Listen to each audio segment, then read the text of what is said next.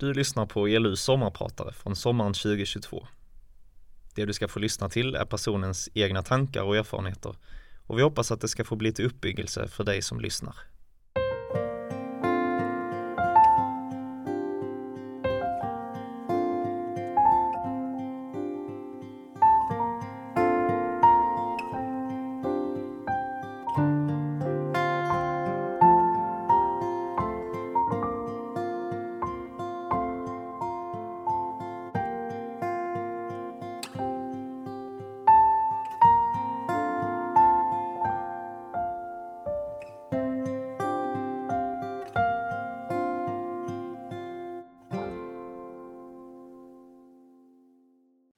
14 februari 2018.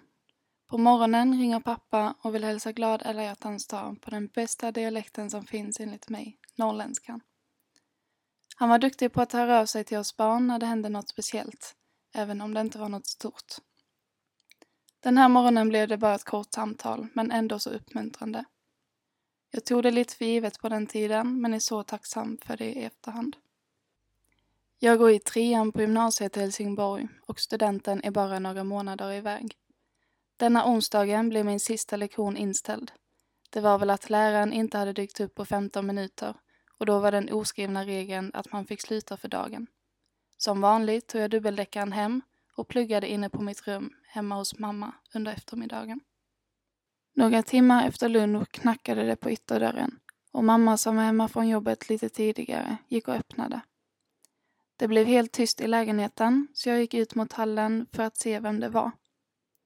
Halvvägs dit möttes jag av två poliser som beklagade sorgen. Jag satte mig ner på golvet innan de hann avsluta meningen. Det skulle visa sig att samtalet jag hade haft med pappa några timmar tidigare var mitt sista samtal med honom. I alla fall i det här livet. Jag som sommarpratar heter Filippa Svedberg. Jag är 23 år och bor i vackra Göteborg.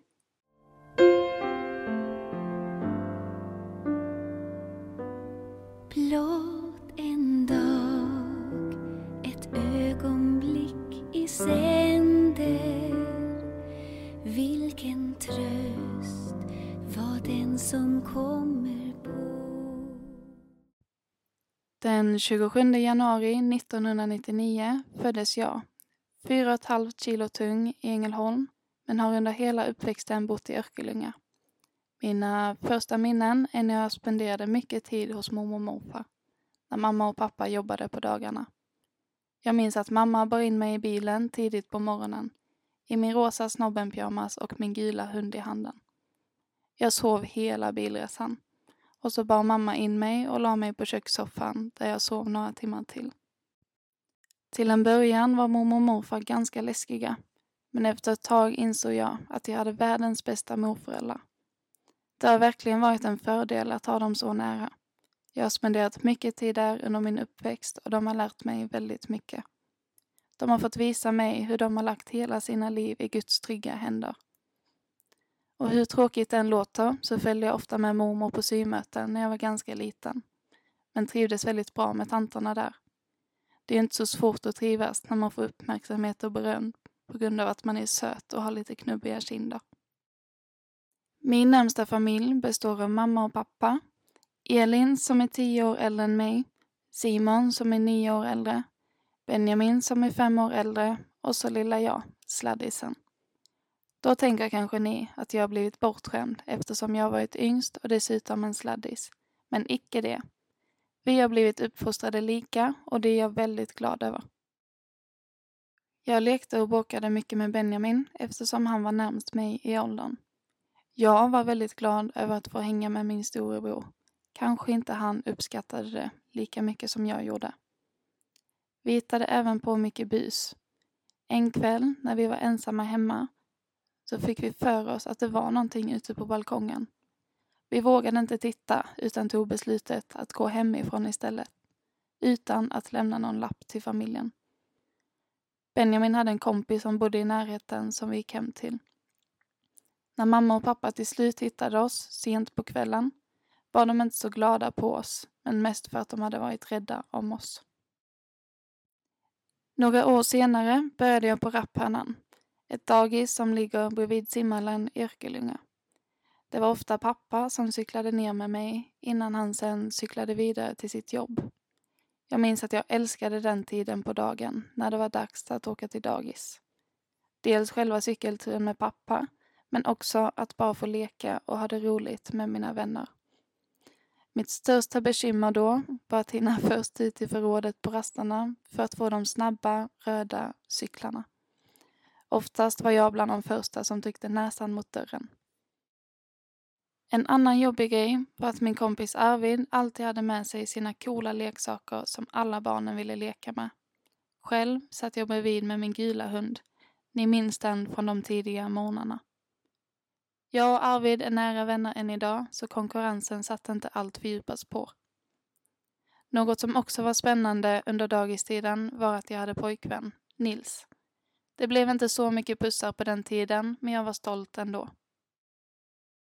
Mina grundskoleår har varit väldigt roliga och enkla med, om jag får säga så. Att göra läxor och jobba har jag alltid tyckt om. Och dessutom hade jag många kristna vänner med mig på Beringskolan. En favoritstund i veckan var när vi hade skrivstil på onsdagar klockan två med Lena.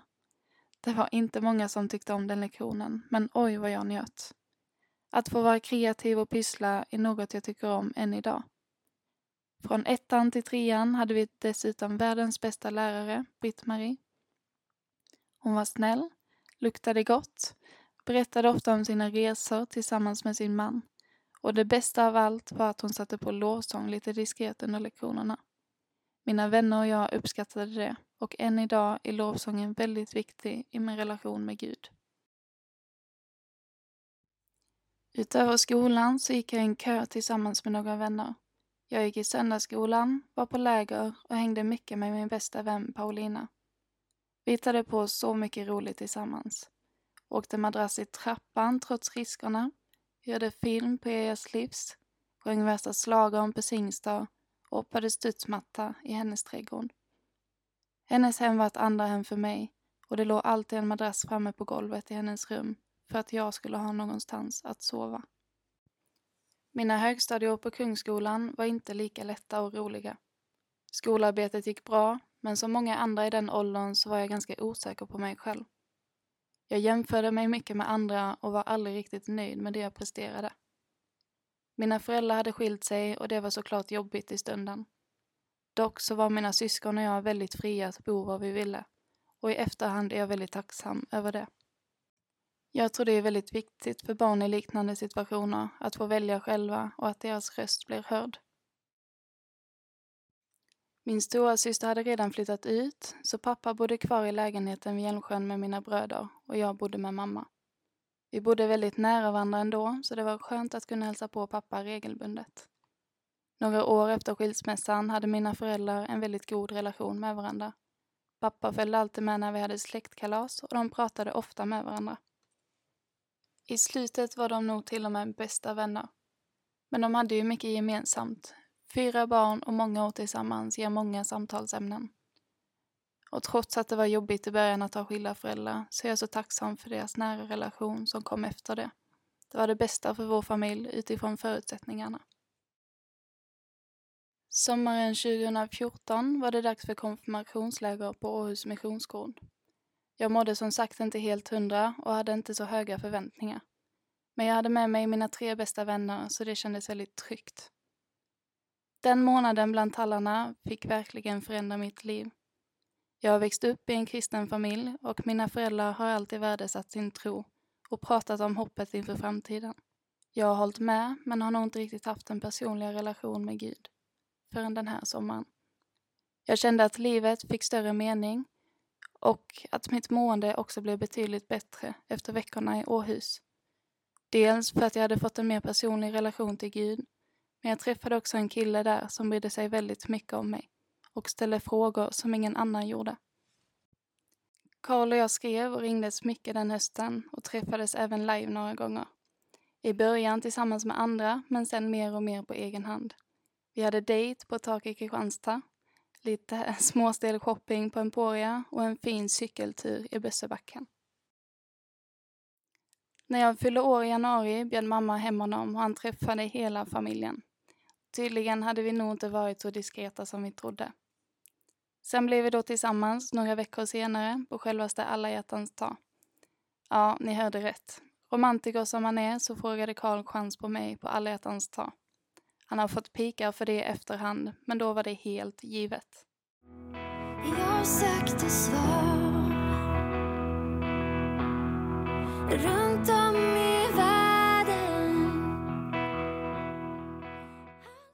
Något år efter konfirmationen var det dags för mig att börja på gymnasiet. Så många skolor att välja mellan, men det jag visste var att jag inte skulle gå i Örkelljunga på UC eftersom det kändes allt för hemma. Efter några om och men började jag på Olympiaskolan i Helsingborg med min goda vän Tella. Vi pendlade varje dag i tre år, fram och tillbaks. I efterhand vet jag inte riktigt hur vi orkade, men vi underhöll varandra genom att plugga till prov och titta på vänner, när vi inte mådde allt för illa. Under dessa åren var jag även stammis på BG, Bibelgruppen för ungdomar i byn. Och där lyssnade vi på undervisning, vi fick hänga, fika och som avslutning be och sjunga lovsång tillsammans. En behövlig paus mitt i skolveckan där jag fick samla ny kraft från Gud och mina vänner. Jag träffade pappa den senaste gången på söndagen innan han dog. När jag hade tagit körkort efter oändliga timmar med långtradigt körande längs en industriväg utanför byn lånade jag ofta hans bil för att köra till Karl och hans familj i Hanaskog på helgerna. Likadant var det den här helgen. När jag skulle lämna tillbaka bilen så skjutsade han alltid hem mig till mamma så att jag skulle slippa gå. Jag tackade så mycket för lånet, vi kramades och han gav mig en sista puss på kinden, som han alltid gjorde innan vi skildes åt. Tre dagar senare lämnade han jordelivet och jag minns den dagen så tydligt. Poliserna var hemma hos oss en lång stund den eftermiddagen, men jag hade inte riktigt ro att sitta ner. De berättade att de hade hittat min pappa på cykelbanan när han hade varit på väg till jobbet. Hans hjärta hade stannat och hans liv gick inte att rädda. Bara så där. Utan tidigare sjukdomar och utan någon som helst förvarning. I den stunden var jag helt tom, samtidigt som jag skrek inombords av frågor som jag hade. Hur kunde Gud tillåta att det här hände? Jag tog på mig att ringa familjen och berätta vad som hade hänt. Jag började med att ringa min älskade Karl och han tog sig snabbast möjliga från Karlskrona där han gjorde militärtjänst till Örkelljunga. Men de timmarna kändes helt ärligt som en evighet. Efter det ringde jag Elin, Simon och Benjamin. Jag ringde pappas familj och några vänner. Men jag hade panik. Jag städade mitt rum, jag sprang en runda, jag låg i sängen och vilade. Men jag kunde inte hitta ro någonstans. När Karl sen kom på kvällen var min kropp helt uttömd. Människor kom och gick hela dagen för att visa omsorg. I den perioden tyckte jag dock det var jobbigt med all uppmärksamhet och alla frågor. Skulle jag inte få vara Filippa längre, utan tjejen som förlorat sin pappa alldeles för tidigt. En vecka efter hans bortgång så fick vi möjlighet att se honom. Eller det som var kvar av honom. Jag velade fram och tillbaka, men jag behövde se honom för att förstå det hela och det är jag glad över i efterhand. Det var inte pappa som låg i kistan. Det var bara ett hårt skal. Och den värme och glädje som tidigare funnits i den här människan fanns inte längre där. Det blev väldigt tydligt för mig den stunden att meningen efter livet är att uppstå från de döda och tillbringa en evighet med Jesus och alla nära och kära som har gått före oss i livet här på jorden. Om det är något jag har fått lära mig när jag har växt upp så är det att Gud är trogen. Och det som Jesus gjorde på Golgata är meningen med hela min tro.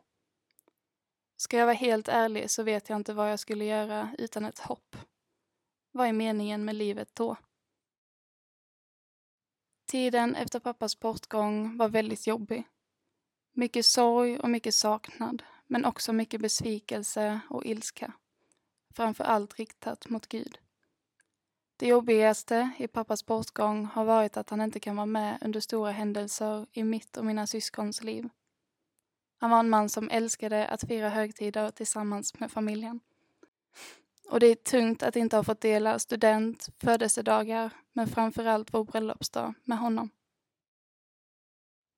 När jag saknar honom så föreställer jag mig hur han har det där han befinner sig nu. Jag blir varm i kroppen och glad över att han lever sitt bästa liv. Utan smärta, sorg och synd. Med några av sina nära och kära. Framförallt så får han diskutera svåra frågor, som han även gjorde när han levde med oss. Och spendera tid med Jesus, sin bästa vän. Till en början så kände jag skuld till Gud för att jag skyllde pappas död på honom och inte bett honom om hjälp under den svåraste perioden i mitt liv.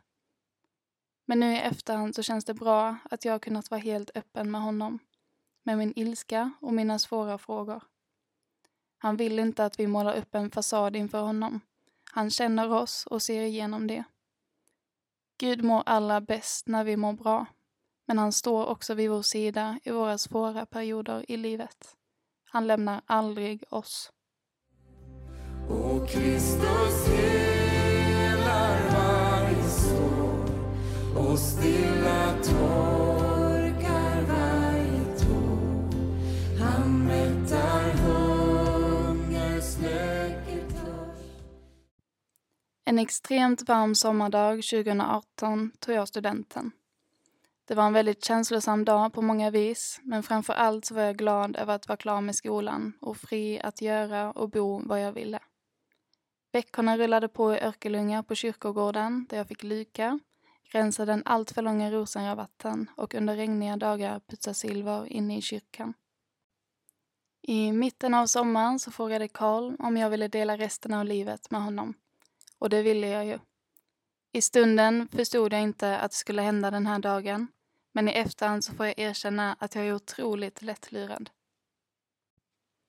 Vi hade bestämt att åka på ett litet äventyr med en kompis i Skåne, men bakom min rygg så hade de planerat lite annat. Den här kompisen Johannes hade tydligen spytt hela natten innan och kunde inte längre åka iväg. Men det visade sig alltså vara en lögn och att allt var ett resultat av Karls planerande in i minsta detalj. Även om jag visste att det skulle hända någon gång så blev jag ändå väldigt förvånad och glad. Om ni frågar Karl så var den 20 minuter långa kramen efter frieriet något för lång. Men det är så jag visar mina känslor. I slutet av sommaren så flyttade vi till Göteborg. Dels för att jag hade större delen av min familj där och dels för att vi ville prova lite nya sammanhang. Inte för att vi inte trivdes i Skåne, men vi ville helt enkelt se lite annat. Men eh, förutom min familj så kände vi ingen i Göteborg, vilket var väldigt jobbigt i början. Vi är ganska sociala av oss och behöver det utbytet med vänner. Så det året så besökte vi olika kyrkor och gick på event för att lära känna nya människor där. Men det var inte helt enkelt alltid. Överallt vi kom så behövde vi presentera oss och kunde inte helt slappna av. Efter en tid landade vi i en församling där vi ganska direkt hittade en fin gemenskap. Efter det så föll mycket på plats och vi hade hittat en vardag i Göteborg. Vi tror det är väldigt viktigt att engagera sig i den församlingen som man är med i. Och när vi ser tillbaka på den tiden så känner vi att Gud var med och ledde oss. Det var en prövning i stunden men det var också bra för oss att inte ha kontroll. Det året i Göteborg innehöll också mycket bröllopsplanering tillsammans. För den eh, 15 juni 2019 så gifte vi oss hemma i Skåne. Vi var ganska unga men hade också varit tillsammans många år. Och det kändes så rätt utifrån vår tro att ta det här steget in i ett äktenskap. Att gifta sig betyder så mycket för oss. Det innebar att vi skulle flytta ihop. Vi slapp säga hejdå till varandra på tågstationen om söndagskvällarna. Och vi skulle få dela vardagen, livet och tron tillsammans på ett helt nytt plan. Själva bröllopsdagen var underbar på många vis och det var såklart mycket känslor då. Men eh, för att vara helt ärlig så tycker jag inte alls om att stå i centrum. Men den här dagen så kändes det väldigt tryggt med Karl vid min sida. En lång och fin dag med mycket kärlek, men vi var också glada och lättade när den var över. På ett vis så kändes det som slutet på något, men bröllopsdagen är ju bara början på något helt magiskt. Att eh, gifta mig är det bästa jag har gjort. Det gick inte bara som en dans i början, men det känns också rimligt när två viljor, vardagar och liv ska slås ihop till ett. Det bästa med att gifta sig var för mig att börja och avsluta dagen tillsammans och alltid utgå från oss och vårt hem. Att få lova varandra livslång kärlek är verkligen en trygghet och något jag är övertygad om att Gud tycker är det bästa för oss. Och trots att min man inte alltid stänger köksluckorna, lämnar strumpor överallt förutom i tvättkorgen och ibland nojar sig allt för mycket, så får jag stå vid hans sida och älska honom för den han är.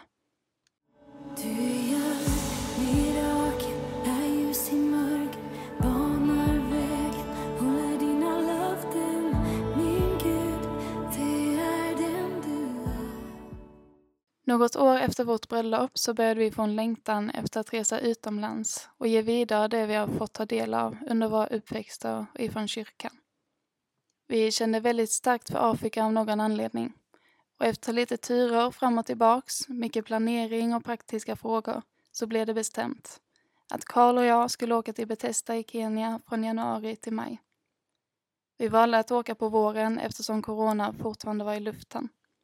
Dock tog vi uppehåll från studierna redan från hösten 2021 och jobbade. Jag jobbade på en skola i Göteborg som elevassistent, vilket var tålamodskrävande ibland, men också en god erfarenhet inför mitt framtida yrke som socionom. Under våra månader i Kenya har vi fått uppleva en hel del och fått många nya relationer. Många, både gamla och nya, lärdomar och erfarenheter som vi kommer ha med oss hela livet. Bland annat så har vi blivit påminda om att inte ta sina nära och kära för givet. Det blir inte alltid som man har tänkt. Och att vara tacksamma för det lilla i vardagen. En dusch med rinnande varmvatten är inte givet för alla. En stor prövning för oss har varit att inte ha kontroll i vissa situationer. Några dagar innan vi skulle åka till Kenya tog vi PCR-test för att kunna åka iväg. Vi fick tillbaka resultatet och det visade sig att mitt var positivt, vilket då innebar att vi inte skulle kunna åka på lördagen. Vi ville vara säkra på att vi hade gjort allt vi kunde, så jag tog ett expresstest på fredagsmorgonen i Helsingborg. 23.00 samma kväll så fick vi tillbaka ett negativt resultat. Mindre än ett dygn senare satt vi på flyget på väg till Kenya. Det blev många psykiska omställningar och för att vara helt ärliga så förstod vi inte Guds plan då.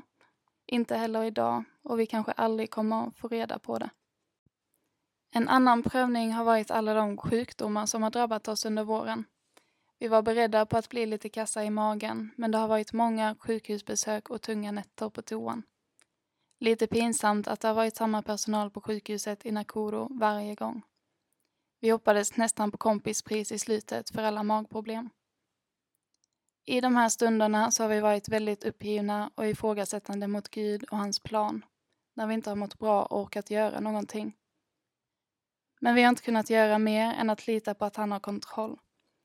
Under de svåraste perioderna har vi verkligen känt oss burna i bön och av Gud. Som jag nämnde tidigare så lärde vi känna många vänner i Kenya och jag vill passa på att berätta om några av dem. Vi hade en lokal handledare, pastor Langat, som har fått betyda mycket för oss och som är en stor förebild. Langat är en del av den så kallade Bethesda-familjen och bor på barnhemmet tre veckor i månaden. Den fjärde veckan åker han hem till sin riktiga familj. På barnhemmet håller han i morgon och aftonböner och gudstjänsterna som de har varje söndag. Utöver detta är han en trygghet för pojkarna och ser till att de får vad de behöver. Vi hade förmånen att bo hemma hos Langats familj under en veckas resa på landsbygden. Så fint att få bo och leva hemma hos en kenyansk familj. Det betydde väldigt mycket för vår relation med honom vi fick se sidor hos varandra som inte hade kommit fram innan. Langat offrar tid med sin familj och bekvämlighet för att tjäna i Guds rike genom att sprida hans ord och ta hand om pojkarna som inte har så mycket annat. Madame Ruth, en riktig, rejäl afrikansk kvinna, jobbade som lärare på Bethesda och hon blev en nära vän till mig. Under ett samtal jag hade med henne pratade vi om barn och Guds plan för oss. Hon är mamma till fyra barn men tror och hoppas att hon ska få fler.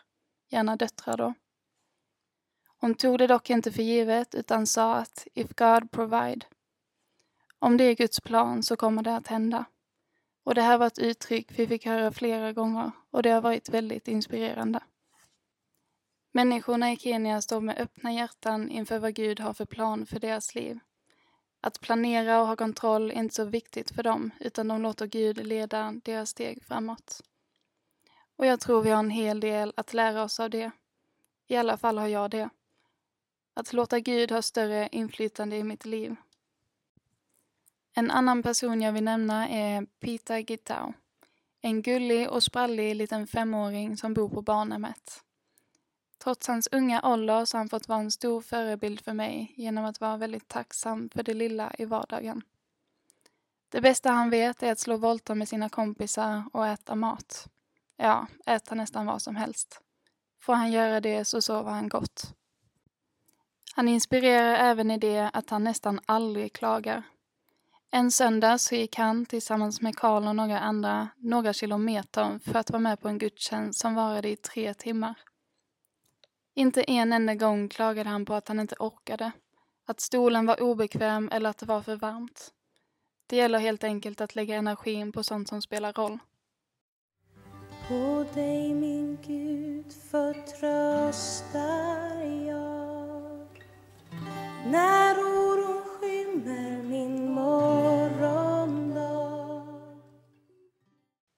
Genom hela mitt liv så ser jag hur Gud har varit med mig. Under pappas bortgång, vår tid i Göteborg med att hitta vänner och sammanhang, under tvivel, sjukdom och hemlängtan i Kenya. Ibland har jag känt det i stunden, ibland har jag insett det i efterhand och med en del kanske jag aldrig kommer att få svar. Speciellt efter tiden i Kenya så känner jag mig så trygg med att Gud bor i mig. I litet och i stort går Gud vid vår sida och vi får verkligen lita på att han har en tanke och en plan för våra liv. För ett par år sedan hade jag lätt för att tänka och fokusera mycket på planering och framtiden. Medan jag idag har en annan inställning till att låta Gud leda mig framåt. Det jag har landat i är helt enkelt att han är en rättvis och god Gud. Det är jobbigt att inte alltid ha kontroll och få svar på sina frågor, men vi får lita på att han har kontroll. Han har den högsta makten i himlen och på jorden. Det är inte Guds fel att det finns ondska, sorg och smärta i det här livet. Det har med syndafallet att göra. Men genom att Gud sände sin son Jesus till att bli människa och dö, så är tiden med synd begränsad för oss. På grund av det Jesus gjorde för 2000 år sedan så finns möjligheten att leva i evighet på ett ställe utan sorg och ondska tillsammans med Jesus och med alla de människor som vi har mist i det här livet. En del alldeles för tidigt. Vi får gå igenom prövningar här i livet, men för mig så är det värt. Speciellt med tanke på att det här livet är så kort i jämförelse med hur vi kommer leva i paradiset tillsammans med Jesus. På min pappas gravsten så står det Du kommen är av ljus en gång, till ljuset går du åter. Och det får vi bli burna av. Som avslutning vill jag dela med mig av en översatt del av Samuel Ljungblads låt Praise You, som sammanfattar mitt hittills 23 år långa liv. När jag ser tillbaka på min tidslinje så minns jag var jag har varit och vad jag har gått igenom. Hela mitt liv kan jag se att du beskyddade mig, att du har varit min sköld och min rustning. Jag prisar dig, Herre, för det du gjorde. Jag vet att du alltid skyddar mig.